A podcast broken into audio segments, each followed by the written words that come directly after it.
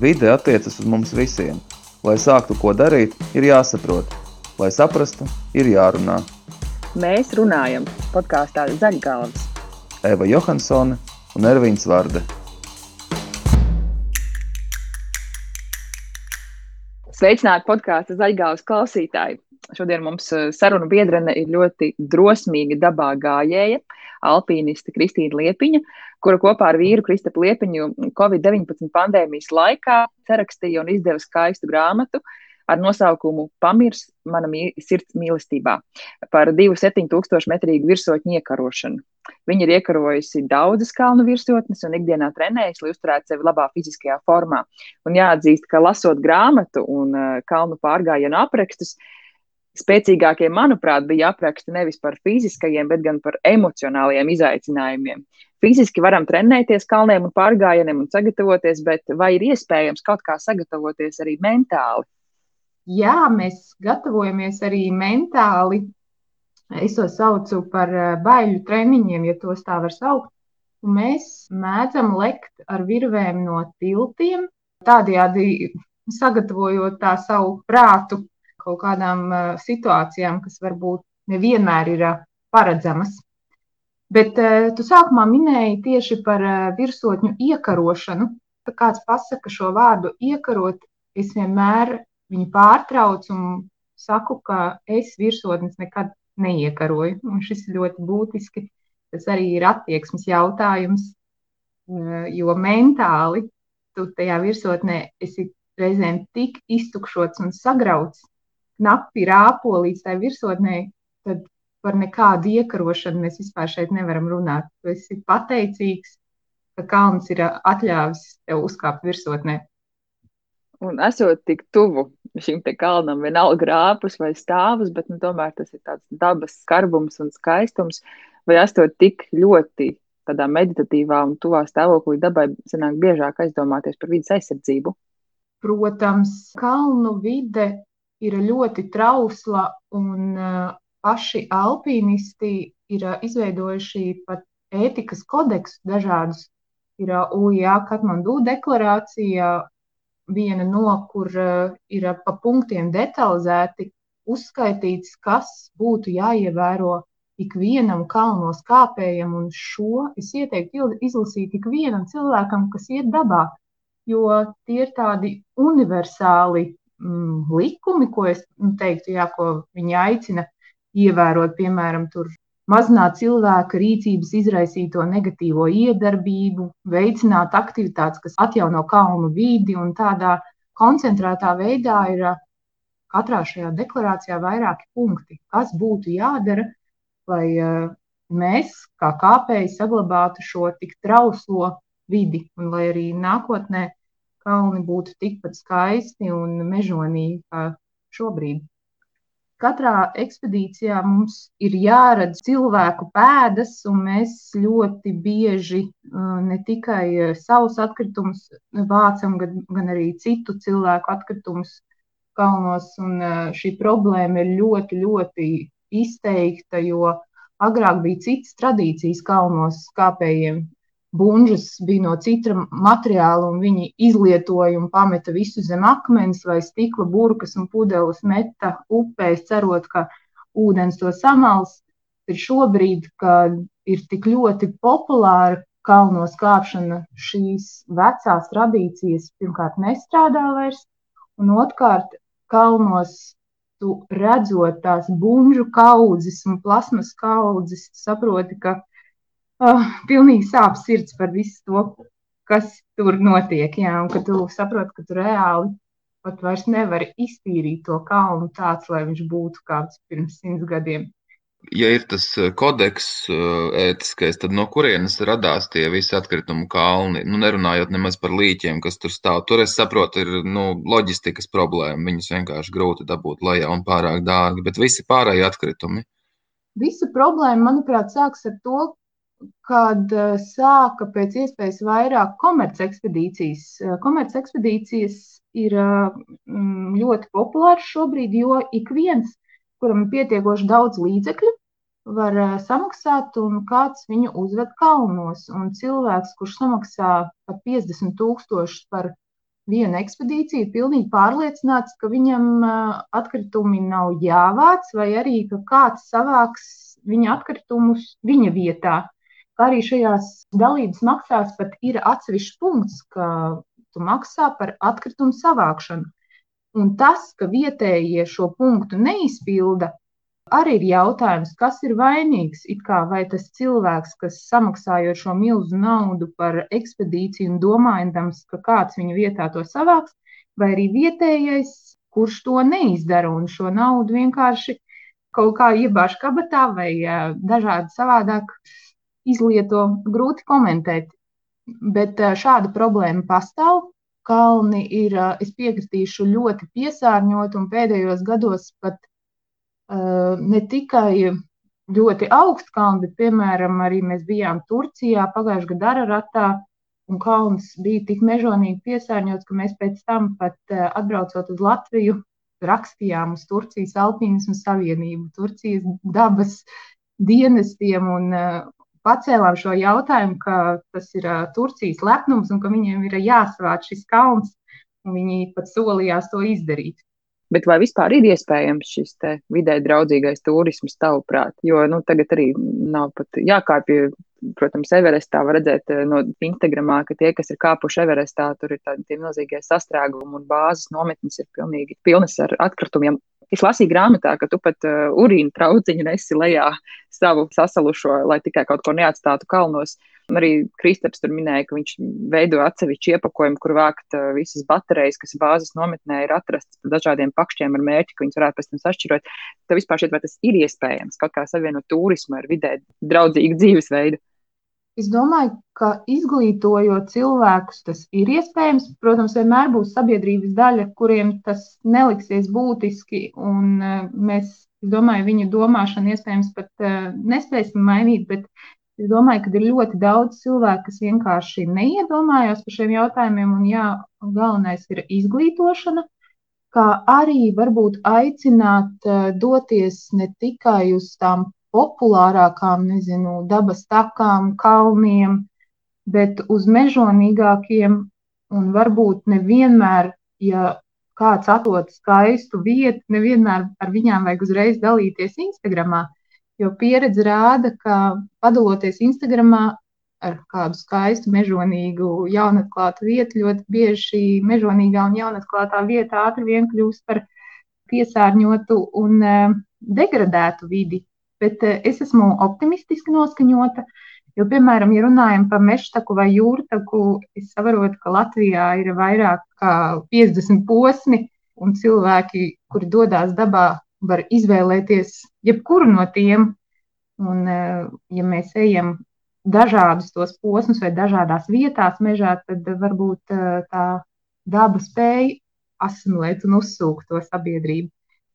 Pastāsti, kas ir tavi mīļākie pārgājienu maršruti Latvijā, kur tu iesaki doties?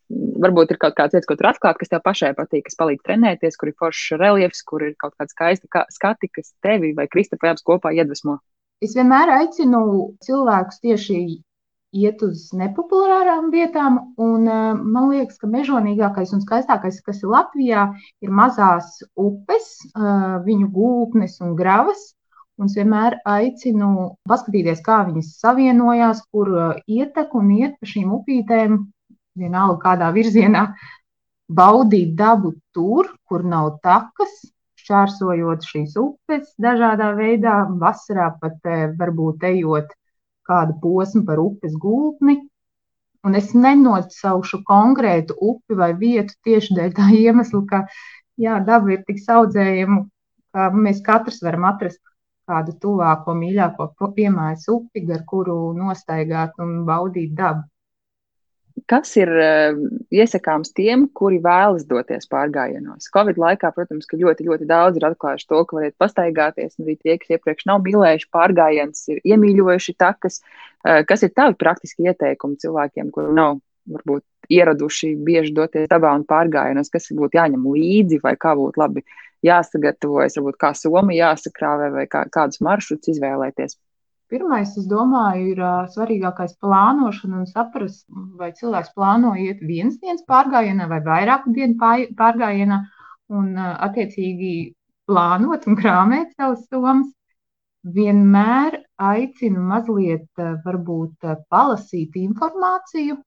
Latvijas pārgājieni ar to ir arī teiksim, tā, īpaši, ka no jebkuras vietas Latvijā tu vari, ja kaut kas notiek neplānots vai neparedzēts, piezvanīt vai pajautāt vietējiem kādu palīdzību. Es esmu pārliecināta, ka cilvēki palīdzēs.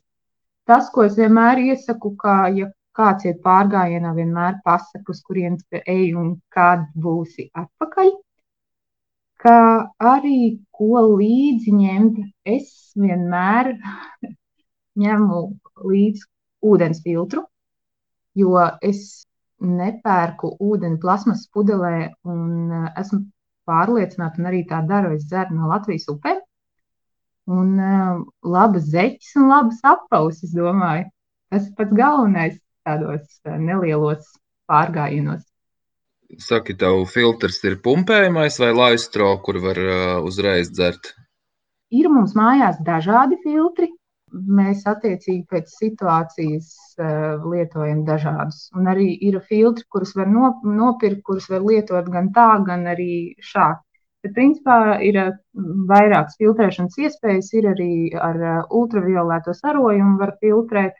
Bet jā, mēs visbiežāk tecinām cauri, pa taisno pudelē ietecina ārā ar to filtriem.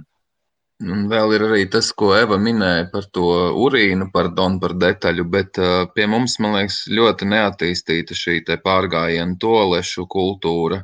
Varbūt tu pāris vārdus vari par to pateikt, kā cilvēks, kas ir bijis kalnos, kur tas ir pavisam akūti un vēl būtiskāk. Mums jau pāris gadus ar vīru ir kopā veidots projekts trekking kurs, kurā mēs mācām cilvēkiem doties dabā. Un eh, šajā kursā mēs ļoti mm, lielu uzmanību pievēršam, kā mēs to saucam, podiņa apmācībai. Un aicinām cilvēkiem, dodoties pārgājienā, ņemt līdzi lāpstiņu, kad dodas aiz akmens, vai kā mēs to saucam, tad izmantot to lāpstiņu, izmantot papīra toaletes, kas sadalās dabā un vēlams tās nav. Salvetes, jo šobrīd salvetēm ir uh, mikrošķiedras, kas nesadalās, kā arī neizmantot mitrās salvetes. Un pēc tam, kad ir viss process izdarīts, tad uh, rūpīgi aizbērt to ciet, uzlikt sūnus, un uh, lai viss izskatās tā, kā nekas nebūtu darīts. Jā, es piekrītu, šī toliša kultūra mums pieklibo, bet es domāju, ka cilvēki vienkārši par šo neaizdomājās. Viņiem liekas, ka nu, kas tad tāds ir? Es te viens aiziešu aiz akmens vai aiz koka, un viss būs kārtībā. Bet problēma sākas, ka to taku sāk lietot simtiem cilvēku. Un cilvēki, kuri atstāja aiz sevis papīrus un dažādus citus nesmukumus. Bet es domāju, par to ir vienkārši jārunā. Un uh, varbūt pat uh, nezinu, dabas takās jāliek kaut kādi stendi, kā to darīt.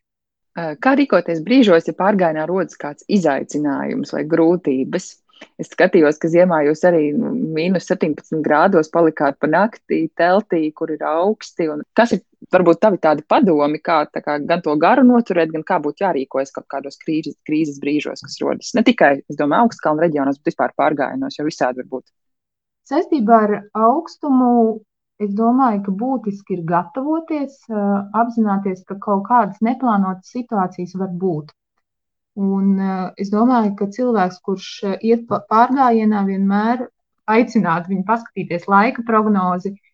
Un, ja ir paredzams augstums, tad arī tam gatavoties, izvēlēties pietiekoši siltu apģērbu, guļamaisu, kā arī ir būtiski pietiekoši daudz dzert ūdeni un uh, pietiekoši daudz ēst. Jo, lai saglabātu siltumu ziemā, ir būtiski, lai arī tavs ķermenis tiek pabarots un, attiecīgi, arī viņš ražo siltumu.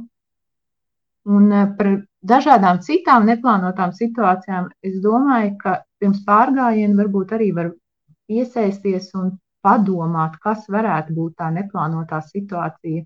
Sagatavot sev līdzi aptieciņu un vēlams, ja dodas cilvēki vairāk pārgājienā, tad katram cilvēkam ir līdzi sava aptieciņa, jo mēs zinām, ka arī Latvijas dabā mēdz notikt dažādas neplānotas situācijas, nezinu, satraumēties, kaut ko paklupt vai noberst kājas vai nedod Dievs kaut kādas smagākas situācijas. Kā arī, protams, šobrīd ir pieejams mobilais telefons un padomāt, vai mobilais telefons ir uzlādēts. Ja ilgs pārgājiens, tad varbūt kaut kādas saules baterijas nes līdzi vai enerģijas bankas. Es vēl tagad domāju, kādas vēl varētu būt neplānotas situācijas pārgājienā, Latvijas pārgājienā, jo man tieši vienmēr liekas, ka nu, Latvijas pārgājienā tas ir tik vienkārši, bet jā, es saprotu, ka cilvēki ir dažādi. Man grūti iedomāties, kas varētu būt vēl tāda neplānotā situācija, ko varētu risināt. Jā. Apdegums, piemēram. Jā, apgabals saules krēmī Latvijā mm, tā ir reāla situācija. Manuprāt, jau arī cilvēkiem arī aicina dermatologi, kad ikdienā vēlams lietot saules krēmus, bet, ja mēs runājam par ugunskura apgabumiem, tad jā, arī aptieciņā iekļaut kaut kādus līdzekļus apgabumu sos tādai ārstēšanai. Es atklāti sakot par ugunskuriem Latvijas dabā neesmu sajūsmā, un parasti, kad mēs ejam pārgājienos, lielākajā vairumā mēs nekurinam ugunskurus. Pirmais iemesls dēļ apģērba, jo labu apģērbu ugunskurs sabojā tieši karstums. Un otrs dēļ tā, ka ne Latvijas dabā, manuprāt, nevajadzētu kurināt ugunskura, kur ienāk prātā. Ja arī tu kurini, tad vajadzētu to vietu pēc tam novākt, bet eh, kā pieredze rāda, ejot mežā, ļoti daudz reizes ir redzēts, ka cilvēki nenovāc šo vietu. Tas rada atkal tādu neglītu vidu, un nākamajam cilvēkam, kas nāk, ir eh, ļoti liels arī vēlme arī tur kurināt ugunskura tas ugunskurs kļūst lielāks un atkal tur sāk uh, degradēties tā vide. Tāpēc, jā, mēs pārsvarā nekurinam ugunskurus. Ja nu atsevišķas vietas ir, kur tiešām ir uh, jau izbūvētas ugunskura vietas, apmetnes ar uh, nezinu, labierīcībām, galdiem un tam līdzīgām vietām. Zināmā mērā ugunskurs, manuprāt, ir tāda drusku varbūt padomju atlieka, kur obligāti ir kaut kādi bardi ar ģitārām un brezenta telts. Uh, Es eh, lasīju par Skandināviju, un tur ugunskura vietas ir nu, diezgan limitētas, un viņi izmanto uh, speciālas portatīvas krāsniņas, kurām noder turpat čiekuri, ar ko var uzvārīt ūdeni. Un, uh, vai tu tādu izmanto, vai arī tu izmanto gāzes degļus pārsvarā? Mēs pārsvarā izmantojam gāzes degļus, jo, manuprāt, tas ir ļoti ērti, kā arī ļoti viegli. Un gāzes degls un katliņš, mūsu katliņš sver 150 gramus, un gāzes degls arī ļoti līdzīgi. Un šo pat var paņemt arī vienkāršā dažu stundu pārgājienā un uzvārīt siltu tēju vai pusdienas, un ņemot to pašu ūdeni no upes un viņu pat nefiltrējot, vienkārši uzvārot. Es zinu, ka daudzus no iešanas pārgājienos attur, ka nosāls vai augsts, un kur nu vēl gulēt teltī. Pastāst varbūt savus padomus, kā sagatavoties, saģērbties, lai būtu silti pārgājienā, un kā pārlaist nakti teltī, lai būtu silti. Ja ir ieplānota gulēšana naktī, neatkarīgi no vasara vai ziema, pārvilkt tīras drēbes, jo Sasvīdušās drēbes nesilda, jo sviedros ir stāļi, kas tieši dzēsē, vai arī, ja ir plānots vairāku dienu pārgājiens, tad lai ir atsevišķa nakts drēbju kārta. Otrs, kā jau es minēju, paēšana, protams, pirms miega, bet, ja bailes nosaukt dienas laikā, tad ir būtiski arī paēst ik pēc pāris stundām. Es arī, piemēram, kalnos, augstkalnos, eh, es apzināti sev kabatiņā pieejamā vietā turu riekstus, žāvētus augļus vai kādu batoniņu, kad es jūtu, ka man ir augsts vai enerģijas izsīkums, es negaidu, kad iestāsies tāds pilnīgs bats, es pēdu jau gājienu laikā. Guļot teltī, vēl būtiski ir piedomāt, kāds ir paklājiņš, ir trīs veidi paklājiņi ir tie pašpiepūšamie tādi, ir piepūšamie, un ar bretes vai vēl mēdz saukt viņu vannas paklājiņu. Un arī tie vannas paklājiņi iedalās dažādos, bet nu, tas jau ir, tur jau mēs ieiesim detaļās. Bet, ja ir tendence uz salšanu, tad es ieteiktu piepūšamo paklājiņu, jo viņš ir augstāks.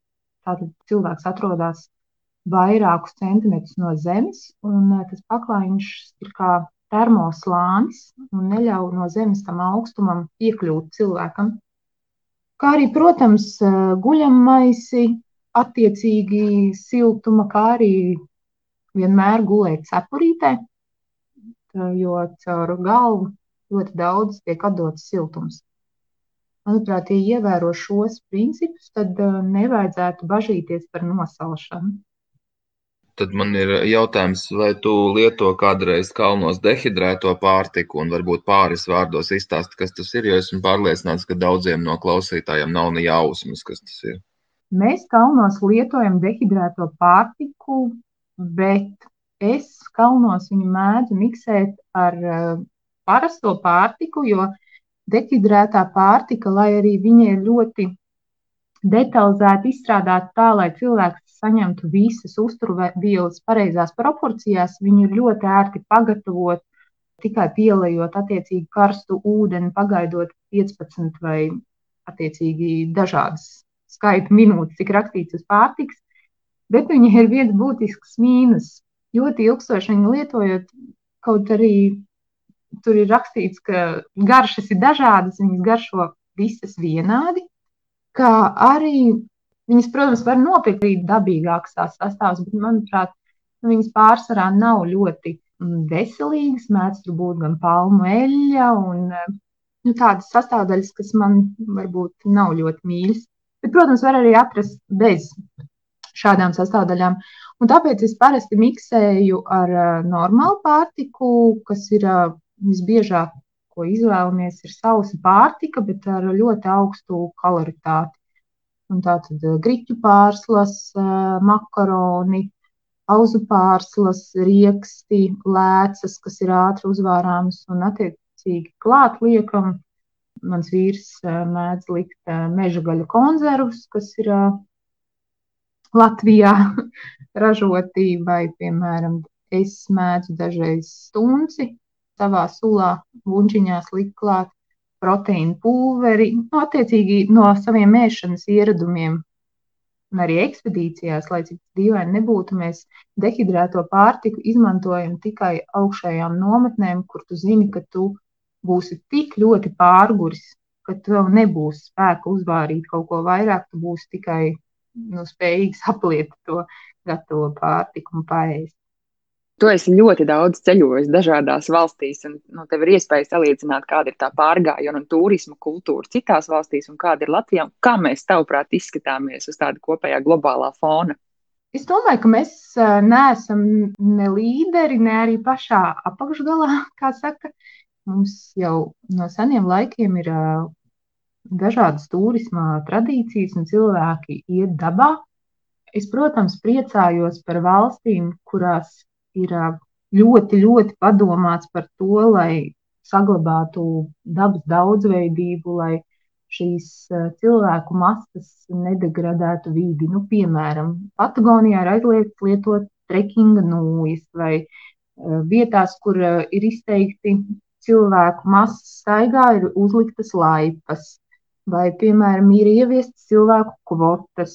Piemēram, Argentīnā atkritumu savākšana ir tik niansēta, ka tev izsniedz, pirms tu ieej Nacionālajā parkā, melnu maisu vienkāršiem atkritumiem, kas tev ir jānonas lejā, un uh, oranžu maisu atkritumiem, kas ir, uh, es atvainojos, kakas, un izējot no parka ārā, tev ir uh, jāuzrāda abi atkritumu maisi, un tevi ieliek zīmogu, ka tu esi uzrādījis šos uh, maisus Attiecīgi, ja tu viņus neuzrādi, tad ir jāmaksā milzīgi sodi. Un šajās valstīs, kur ir šādi, nu, es teiktu, pat ļoti labi piemēri, šīs dabas takas ir tik ļoti tīras, ka prieks skatīties. Nu, neredz nekādu nezinu, mikrodrazu un arī papīrus. cilvēki pilda šos noteikumus, jo nu, kaut kādā ziņā viņi ir motivēti pildīt, jo soda naudas jāmaksā. Pēc šī pandēmijas gada ļoti sāpīgi ir skatīties uz dabas takām Latvijā, kas ir ļoti, ļoti piesārņotas šobrīd, kā arī izstaigātas. Man ir likās šokējoši, piemēram, Cecīļa dabas taka, ka pirms pāris gadiem tur bija maza, maza taciņa, un šobrīd tik liela, ka tur mašīna var braukt. Kā arī iespējams cilvēkiem liekas, ka, ja viņi samaksā 2 eiro par taku, tad viņi var nevākt atkritumus, un kāds cits viņa vietā to izdarīs. Tā kā es domāju, ka mūsu sabiedrībai vēl ir kur augt, un es domāju, ka mums ir dabā mīlošajiem jāstāsta citiem, kā to labāk darīt, un kā arī iespējams pat varbūt valstiskā līmenī jādomā, kā uzlabot šo dabā iešanas kultūru. Es ceru, ka pēc pandēmijas cilvēki, kuri ir iemigļojuši šajā gadā došanos dabā, arī daļa paliks šajās takās, tikai viņi uzlabos to savu attieksmi man eh, sanāca būt daudz Amerikas eh, nacionālajos parkos. Amerika ir pirmā valsts, kas izveidoja nacionālos parkus. Reiz veidojot eh, sižetu Ņūhempšīrā, man pārsteidza tas, ka Ņūhempšīras dabas takas kopja vietējie. Viņiem ir sadalīti tādi kā fragmenti, kur katra maisaimniecība atbild kā kādu posmu. Viņi divreiz gadā tur dodas un, novāc visus čēršļus, aplūko, vai viss ir kārtībā. Un man šķiet, ka tā ir ļoti laba iniciatīva, kas tagad lēnām arī ienāk Latvijā ka brīvprātīgi kopi dabas takas. Man šķiet, arī pandēmijas gads eh, mums parādīja, cik ļoti daudz mums tas, kā, kā jau tu minēji, mentāli un fiziski dod šīs takas, cik ļoti viņas būtu jauki kopt. Un vēl viena lieta, man šķiet, tas eh, nu, arī valstiskā līmenī dažādām kampaņām ar, ar dažādām organizācijām tiek runāts par neatstāju pēdas dabā principiem kur ir vairāki principi. Eh, tātad neviens tā neiet lielās grupās, Otrs, eh, kā nebojāt tos biotopus, eh, teiksim, veidot uguns, kur ja tādu vispār veidot tikai īpaši norādītās vietās. Un tā tālāk, man šķiet, ka tas lēnām, lēnām varētu teikt, ienāk. Bet man personīgi interesē pajautāt, eh, kas ir tās mm, mājaslapas vai tie avoti informācijai, nezinu, neskaitot Instagramu vai, vai kaut ko citu, kur, kur sekot līdzi varbūt kaut kādām tādām uh, outdoor aktivitātēm, kas ir tie avoti vai kaut kādi sociālo tīklu konti, kuriem tu seko, ko tu varētu ieteikt citiem, kas varētu iedvesmot, iet dabā vai uzzināt kaut ko jaunu vai kaut kādus live hackus dabā. Jāatzīst, ka es pārsvarā sekoju alpīnistu lapām dažādām. Instagramā es pat uh, teiktu, es šobrīd ļoti maz sekoju tieši dēļ tā, ka, lai mazinātu savu pavadīto laiku sociālajos tīklos, Un, jā, visbiežāk arī mēs pirms kaut kur dodamies tieši šajās alpīnistu grupās, pajautājam savus jautājumus, un viņi ir ļoti, ļoti atsaucīgi. Alpīnistu resursos ļoti daudz runā par dabas aizsardzību un par problēmām, kādas ir kalnos un kā mums labāk rīkoties, lai mazinātu šo iesārņojumu vai arī šo iesārņojumu kāpēju atstāto ietekmi.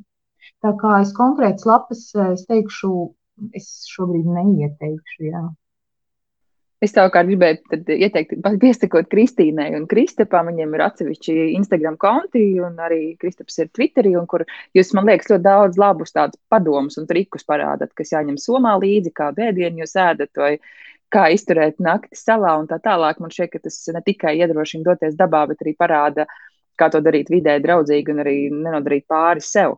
Noslēgumā es vēl gribētu pajautāt, grāmatā bieži tu ļoti atklāti aprakstīji tādas paniku situācijas, nu, tādas arī mentālas izaicinājumus. Kā saglabāt tādu miera stāvokli augstkalnu reģionos, tad, man liekas, pavisam tā panika var būt liela, jo ļoti grūti saņemt palīdzību. Bet tu tik daudz reizes aprakstīji savus krīzes brīžus, tās nu, vieglas panikas lēkmes vai, vai tādu pilnīgi jau prāta miglu. Kas ir tie veidi, kā noturēt to fokusu vai kaut kā tomēr safokusēties. Jā. Tas galvenais ieteikums ir tieši sašaurināt savu fokusu. Nevis domāt par kaut kādu lielu un globālu lietu, cik viss ir slikti šobrīd, bet uh, sašaurināt uz nākošo soli, ko es varu darīt tagad, šajā mirklī, nākamajā minūtē, lai izietu ārā no šīs situācijas. Kā arī, protams, saglabāt uh, vēsu prātu un nekrist panikā. Ieteiktu pirms doties lielākos pārgājienos, tomēr uzkrāt to pieredzi. Nevajag līst kaut kādā sarežģītā vidē, kuru tu nepārzini, ja nav savākta tomēr tā bāze. Jo, manuprāt, lai saprastu, ko darīt ārkārtas situācijā, tomēr eh, ir jāsaprot soli pa solim, kā veidojas dabas likumi, tie paši laikapstākļi, vai kalnu vide, vai lavīnas, vai jebkas, kas eh, slikts var notikt kalnos. Jā, bet mans galvenais ieteikums ir eh, sašaurināt to fokusu uz ko es tagad nākamo varu izdarīt, lai izkļūtu no šīs situācijas. Vienu, tikai vienu soli un nedomāt par eh, kādu brīdi par to tālāko. Paldies, Kristīne, par tavu laiku un par to, ka padalījies ar savu uh, pieredzes bagāžu. Paldies! Es ceru, ka sagaidīsim vēl daudzus foršus aprakstus uh, gan internetā, gan arī grāmatu veidā. Un, un paldies arī Latvijas vidas aizsardzības fondam, kas ļauj šim podkāstam notikt.